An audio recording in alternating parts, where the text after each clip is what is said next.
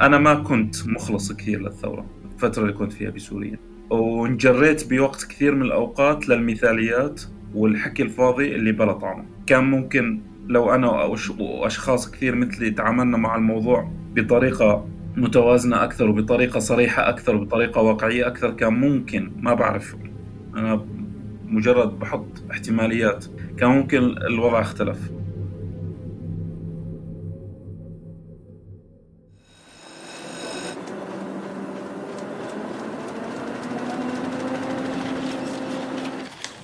عنب بلدي بودكاست.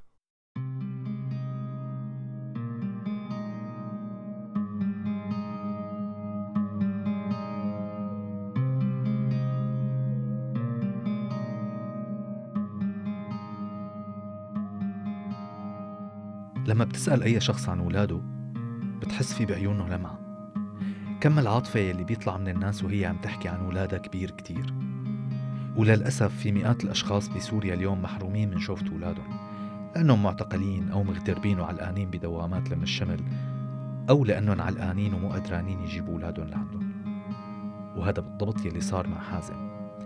اسم مستعار لمهندس سوري علقان بالسعودية وبينحدر من سهل حوران. معكم مواطن سوري من عنب بلدي بودكاست وأنا يامل المغربي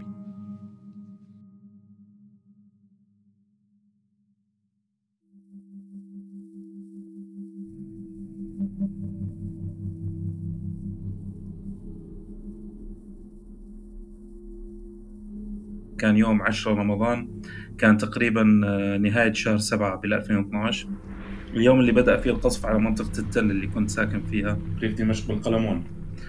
فقنا الصبح بدري على قصف شديد جدا كان مخيف ومرعب. رغم إني كنت كنا عم نتعرض لقصف آه، لفترات يعني مختلفة بس كان القصف مختلفة. القصف اللي عم يقول لنا انه إنه مش راح ننجو منه يعني. واضح إنه أصوات الصواريخ وأصوات التفجيرات بكل مكان حوالينا كانت آه، آه، بثينة اللي هي زوجتي سابقا كانت حامل بالشهر الثامن فكان الموضوع مرعب جدا بالنسبة لي وكان الموضوع النجاة من. عملية القصف اللي عم تصير كانت كمان شيء آه، غريب لأنه اضطريت أطلع من البيت آه، ولقينا ناس وأخذونا على مكان ثاني فيه قبو. ومن خلال تواجدنا بهالقبو كمان تعرضنا لإشاعات كثير منها أنه عم يقتلوا كل الناس اللي داخل البيوت وكان الموضوع نفسيا مرعب إلى تقريبا آه، بعد العشاء. إجانا واحد وقال إنه في طريق انفتح لمنين. منين؟ اللي هي المنطقة اللي فوق التل بعد التل اللي هي بيبعد لو أنت معك سيارة بتبعد مسافة عن التل خمس دقائق بتكون أنت بتنتقل من التل لمنين. الشيء اللي صار إنه فعل فعلا اتضح بليلتها إنه فعلا فتح طريق لمنين. واللي إحنا اتجهنا أصلا له يعني سير على أقدامنا لأنه ما كان في أي طريقة متاحة وكان الصواريخ عم تنزل من فوق روسنا وما كانش في خيار ثاني لأنه يعني كان القصف شامل على كل شيء.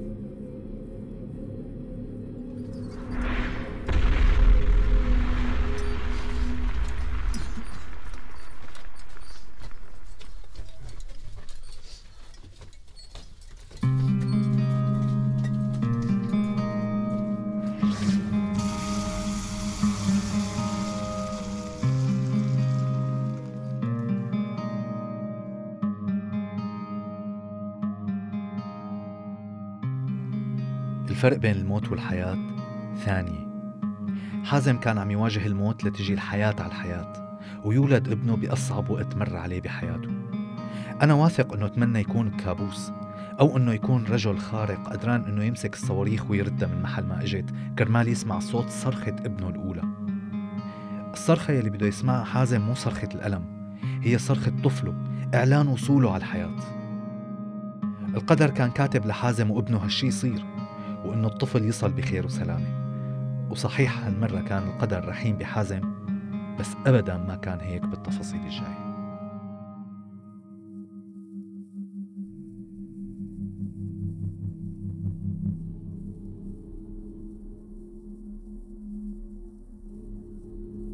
طلعنا وقتها من منين على التل وكانت طلعة رعب أكثر من من. لأنه كانت طلعة كلها حواجز والمسافة هاي اللي, اللي بالعادة ذكرت إنها بدها خمس دقائق من التل منين قضيناها ثلاث ساعات. ثلاث ساعات من رعب ومن تعرض لأشد أنواع الشتايم من العساكر اللي على الحواجز اللي بين حاطينهم بين التل ومنين لأشد أنواع التهديد لأشد أنواع الإهانات. فكانت ثلاث ساعات تحديدا من الرعب اللي أكثر من الرعب اللي أكلناه وقت اللي كنا تحت القصف بنفس اليوم. طبعا أنا عم بحكي بمختصر لأنه كانت هاي الحادثة اللي صار بعدها تغيرات كثير بحياتي. إحنا طلعنا عاملين وجلسنا بامنين أسبوع. بعدين أنا إجاني شخص وقال لي إنه أنا قدرت أفتح لك طريق لك ولزوجتك على الشام مشان تأمن لها مكان آه، تولد فيه. فعلا كان في طريق وأنا كان صعب أمر من الحواجز. فطلعنا قدرنا نوصل على الشام. كان لي بيت عمة بمساكن برزة وجلست عندهم زوجتي لحتى ولدت. وبعد ما ولدت إجاني واحد وقال لي في طريق آمن إلك على مصر وإنه قدرنا نفيش لك على اسمك ونشيل لك اسمك من المطار. بتقدر تطلع من المطار بشكل رسمي. كان عمر ابني وقتها جود عشرة عشرة أيام لما لما أنا طلعت على مصر. على فكرة أنا انمسكت بالمطار رغم الموضوع اللي اللي, اللي صار والتظبيط اللي صار لكن رجعوا مسكوني بالمطار.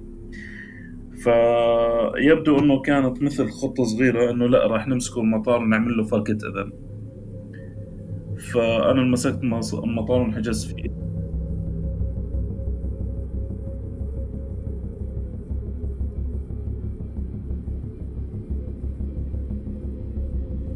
أنا ما حدا قال لي ليش مطلوب. أنا طلعت مظاهرات كثير وانكتب في تقارير كثير بس آه، كان عندي مشاكل قبل الثورة أصلا مع مع مسكت أصلا من الأمن قبل الثورة عدة مرات. اتضح إنه إلي اسم بالمطار ومسكوني فيه وعملوا لي فركة الإذن اللي كانوا بدهم إياها وطلعوني على فكرة. بس ناداني لعنده النقيب وقتها كان بالمطار وقال لي أنا حكى معي آه، مشانك فلان الفلاني بس أنا حبيت اعمل لك فركه اذن وأقول لك لا تفكر ترجع مرة ثانية. قال لي إياها بالحرف الكلمة هاي. قال لي أنا كنت أنا حبيت اعمل لك فركه الاذن وأقول لك لا تفكر ترجع مرة ثانية على البلد. بالحرف سمعني هالعبارة.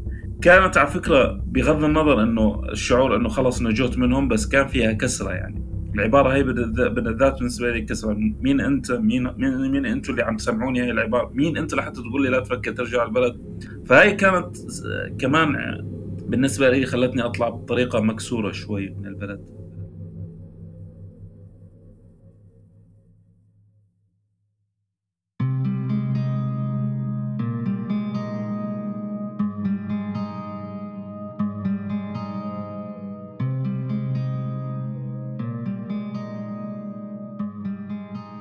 شو في أصعب من إنك تنحرم من شوفة ولادك إنهم يكبروا هن مو قدامك والعمر عم يمرق. رحلة شتات طويلة عم يعيشوها السوريين وكل ما بيقولوا الخطوة الجاية هي اللي رح أرتاح بعدها بيكتشفوا إنه الطريق أطول بكتير من الألف ميل. وإنه إذا بيبلش بخطوة فما بالضرورة أبدا إنه نهايته قريبة أو إنه طاقتنا بتكفي لنوصل لهالنهاية.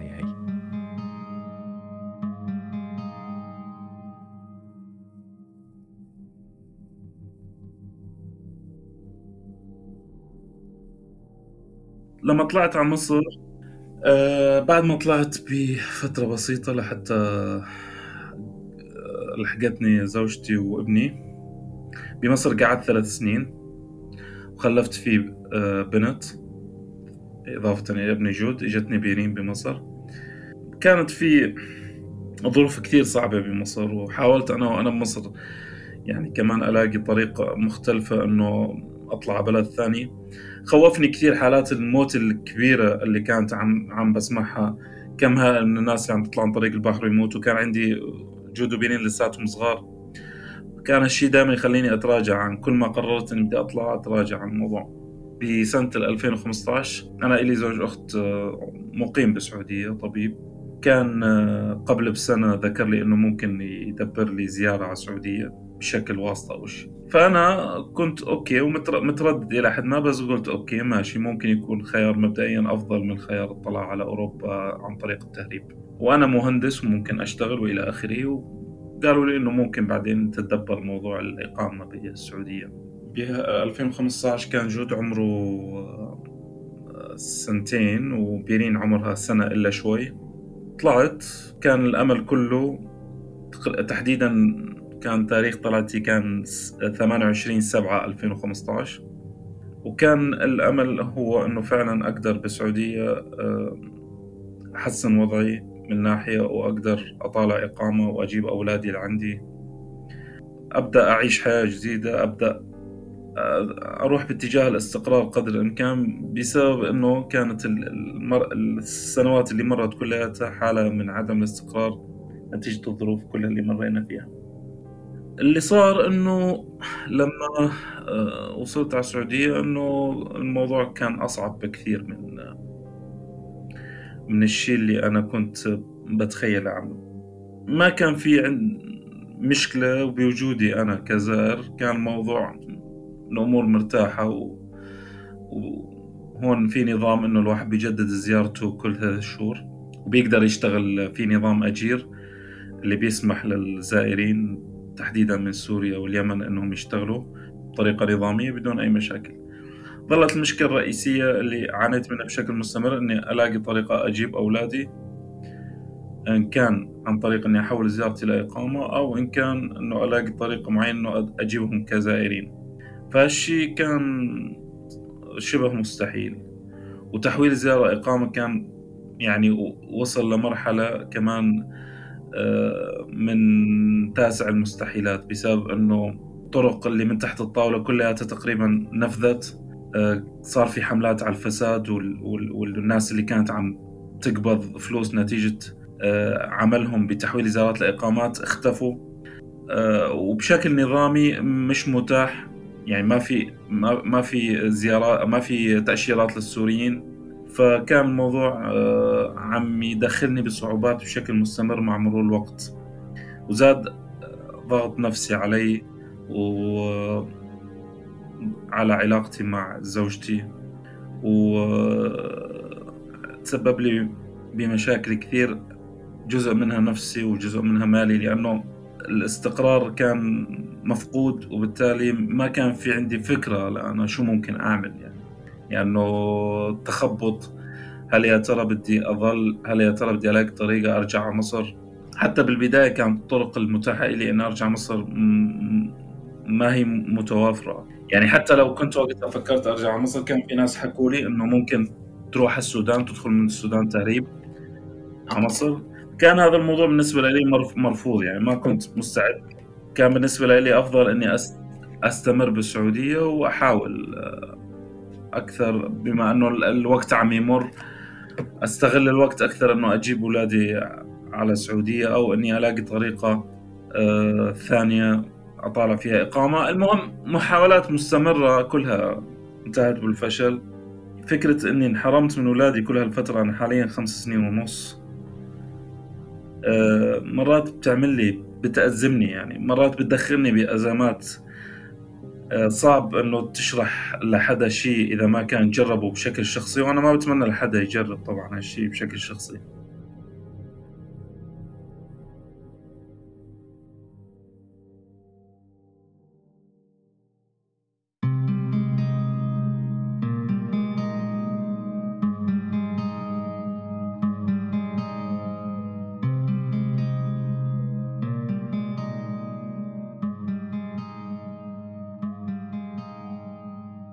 ما في سوري ما تغيرت حياته بعد 2011 وما في شي صار معنا من هداك التاريخ لليوم ب 2021 ما له مرتبط بشكل مباشر بكل شي صار بالبلد.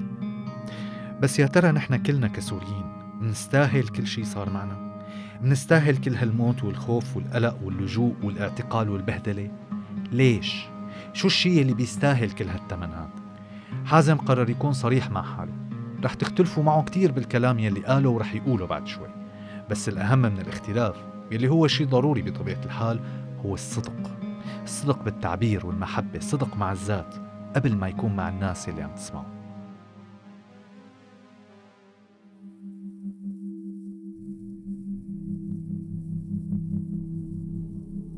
أنا وزوجتي انفصلنا أثناء وجودي بالسعودية. كان الهمي بالنسبة لإلي أنه يستمر حياتهم بشكل طبيعي ما يأثر ما ما يصير أي شيء يأثر على حياتهم هم حاليا محل ما هم موجودين بمصر. لأنه ما عندي خيارات كثيرة ما عندي رفاهية إني أختار بين بين حياة وحياة ثانية. على قد ما كان الموضوع هذا صعب علي على قد ما حاولت قدر الإمكان أصمد ما كانش عندي خيار ثاني. وأنا قلتها لأكثر من واحد أنا شخص ما عندي يعني ما عندي هاي الرفاهية تبع أني ألوم الحياة وألوم الثورة وألوم الظروف وألوم الدنيا. أنا ما بقدر أقعد أفكر بملامات. أنا بقدر الشيء الوحيد اللي قدامي إني أتعامل مع الظرف اللي أنا اعيش اللي عايش فيه وأحاول أصمد قدر الإمكان لحتى تنحل مشاكلي. غير هيك ما بقدر يعني ما بقدر أتصرف أي تصرف ثاني. حاولت كثير طبعا. أنا بالسعودية أتراسل مع سفارات أتراسل مع مع منظمات أحاول ألاقي طريقة أطلع آه، لجوء. الوضع لما يكون شخص بالخليج يمكن ناس كثير ناس بتعرف صعب جدا. مش متاح بطرق ثانية مش مش عندي يعني مش من من مش بإمكاني إني أعملها. إلى هاي اللحظة لا أزال على نفس الوضع. ماني زعلان من شيء إلا من فكرة مرور خمس سنين ونص.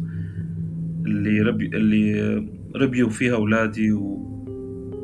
وكبروا وهم بعاد عني. إذا زعلان على شيء هو زعلان الشيء فقط. أنا إذا فكرت بأي حل هو حل يروح باتجاه إني أشوف أولادي. إنه في حل إذا قدرت أطالع إقامة مثلا بقدر أطالع زيارة على مصر أروح أشوفهم وأرجع. أو أجيبهم لعندي زيارة على السعودية مثلا. أو إنه إذا رجعت فتحت الحدود حاليا الفترة هاي الحدود مغلقة بسبب الوضع الصحي وكورونا إلى آخره. من ألاقي طريقة كمان حتى لو ما طلعت إقامة أجيبهم كزيارة عن طريق مستضيف أو شيء. إذا رجعوا فتحوا موضوع زيارات المستضيفين لأنه السعودية الفترة الأخيرة صار فيها قوانين جديدة من ناحية فتح مجال للزيارات وصار في شيء اسمه غير زيارات العمرة صار في شيء اسمه زيارات سياحية إلى آخره. بس للأسف بعد ما بدأت هاي القوانين تبين دخلت كورونا على الخط و... ورجع صار في إغلاق و... وبالأساس هو أصلا في كثير يعني آه، تدقيق على الزيارات اللي بتطلع على السوريين. يعني مش دائما تيجي بالموافقة ومش دائما مرات تكون صعبة ومرات بتتيسر يعني لبعض الناس. فأنا الحلول الحلول الموجودة قدامي قليلة بس إذا فكرت بأي حل هو باتجاه حل أقدر أشوف فيه أولادي ما بفكر بأشياء كثير حاليا غير إني أقدر أشوفهم يعني. آه، أنا كثير ناس بيحاولوا مرات يحكوا معي الخاص بيستفسروا عن الموضوع. أنا ما بحكي بتفاصيل لأنه تفاصيل معقدة شوي. فيها كثير في شغلة الناس ما بتعرف آه، بظروف الحياة في كثير ناس بتخطأ. لما أنا أكون هلأ بالصورة بتسجيل عم بحكي عن مشكلتي في ناس كثير ما بعرف ما بيعرفوا وأنا عم بحكي إنه أنا ارتكبت أخطاء. أنا ارتكبت أخطاء كثير. وهذا الشيء ما بعرف آه، متاح عند الكل كثير ناس بتخطأ. أنا بهمني أكثر شيء إنه إذا انعرض هالتسجيل اللي حكيت فيه شوية تفاصيل أنا بدي أحكي شغلتين آه، واحدة بتتعلق بالثورة وواحدة بتتعلق بوضعي الخاص. آه، الشغلة بدي أحكيها موضوع الثورة. أول شيء آه، إحنا ما كنا أنا راح أحكي عن حالي ما راح أقول إحنا. أنا ما كنت مخلص كثير للثورة الفترة اللي كنت فيها بسوريا. وانجريت بوقت كثير من الأوقات للمثاليات والحكي الفاضي اللي بلا طعم كان ممكن لو أنا وأشخاص كثير مثلي تعاملنا مع الموضوع بطريقة متوازنة أكثر وبطريقة صريحة أكثر وبطريقة واقعية أكثر كان ممكن ما بعرف. أنا مجرد بحط احتماليات. كان ممكن الوضع اختلف. أنا ماني ندمان على الثورة نفسها لكن أنا ندمان على السلوك اللي سلكته أنا بالثورة واللي ما كان مثالي برأيي. النقطة الثانية بوضعي الخاص الحالي أنا بحمل جزء من المسؤولية لنفسي وجزء من المسؤولية للبلد واللي صار فيه وللنظام. وبشوف إنه كان بقدر مشكلة بمشكلتي الحالية بقدر أتخذ خطوات بس كانت المفروض تكون مبكرة. كانت تكون جريئة أكثر وأحل مشكلتي لكن للأسف بعدين راح عليها الوقت. فما بدي كثير حدا وهذا الشيء بحاول دائما أفهم الناس تحكي معي. يتعاطف معي بطريقة أنه أنا آه، ضحية 100% أنا مش ضحية 100% أنا أبدا مش ضحية 100% أوكي حاليا بوضع ما حدا ما بحبه لحدا وما حدا بيتمنى. خصوصا إنه أنا آه، روحيا متعلق كثير بأولادي وما بخبي عليك. أنا بتمر علي أيام وليالي ما بنام أو بنام وأنا عم ببكي مثلا. لأنه بكون بحس بجزء من العجز وجزء من الندم إنه مر كل هالفترة خمس سنين ونص وأنا ماني قادر أشوفهم ماني قادر. رغم إنه تقريبا بحكي معهم يوميا وبحبوني وبحبهم وامورنا التواصل التواصل بيناتنا ممتاز جدا. هلا يمكن تستغرب إنه أنا حكيت هيك بس أنا ما بحب لأنه دائما مثل مثل هاي التسجيلات أو مثل هاي ممكن تروح أكثر باتجاه المثالية. الموضوع مش مثالي. بدي كنت بس أرضي ضميري وأبين هالشيء إنه لا كنا مثال لا كنت أنا مثالي بفترة الثورة وبحمل نفسي للوضع اللي أنا فيه جزء من المسؤولية إضافة لجزء الوضع اللي صار بشكل عام والنظام واللي يتسبب في إلي ولكثار ناس غيري إنه يتعرضوا لهي الظروف.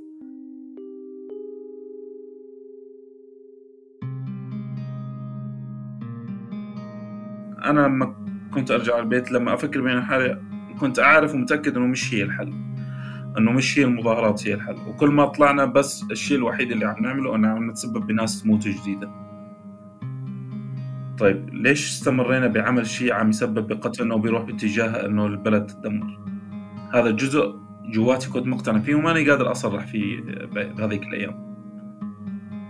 ليش وصلنا ووصلت أنا وكثار غيري الأمور لمرحلة مسكرة وإحنا عارفين إنه ما فيش حل.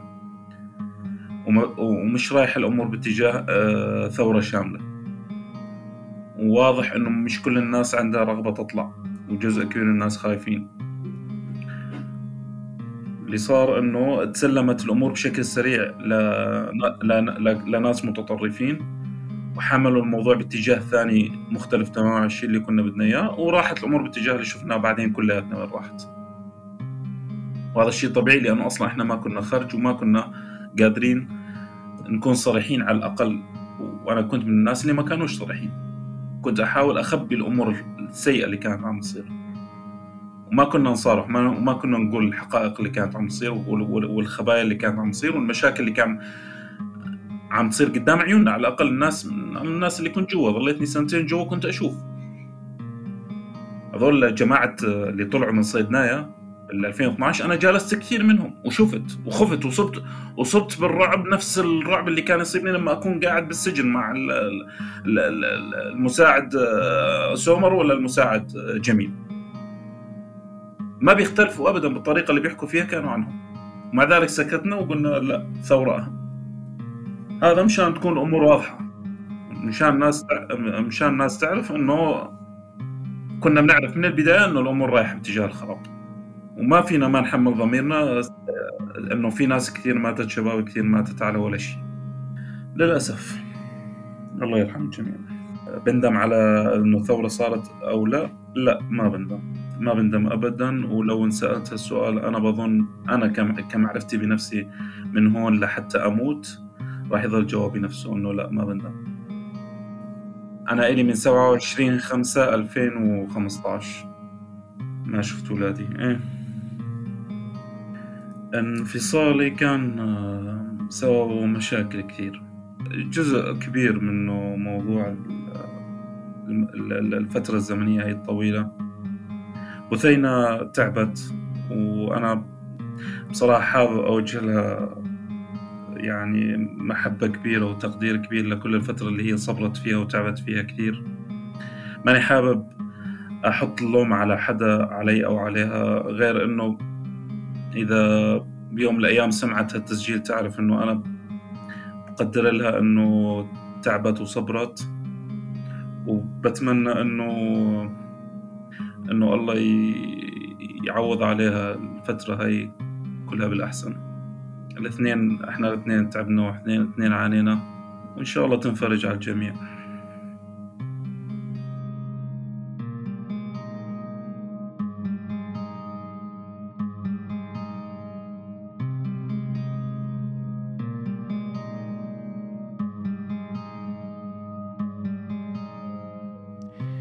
قلال الناس يلي بيقدروا اليوم بعد كل شي صار إنه يعبروا عن رأيهم بهالوضوح يلي عمله حازم حازم ماله ندمان على الثورة بحد ذاتها ولا على الفكرة بس من حق أي حدا يسأل هل كان ممكن إنه نتصرف بطريقة مختلفة؟ هل كان ممكن نوصل لنتائج مختلفة؟ هذا السؤال يمكن السوريين كلهم لازم يوقفوا عنده ويسألوا ليش وصلنا لهون ونلاقي كلنا جواب لوين رايحين إذا مو مشاننا مشان أولادنا ومشان مستقبل جاي بكل الأحوال لسه قدرانين إنه نكتبه بإيدينا نحن مو بإيد أي دولة على الأراضي السورية من عام 1967 لليوم. كان معكم مواطن سوري من عنب بلدي بودكاست وأنا يامل أوري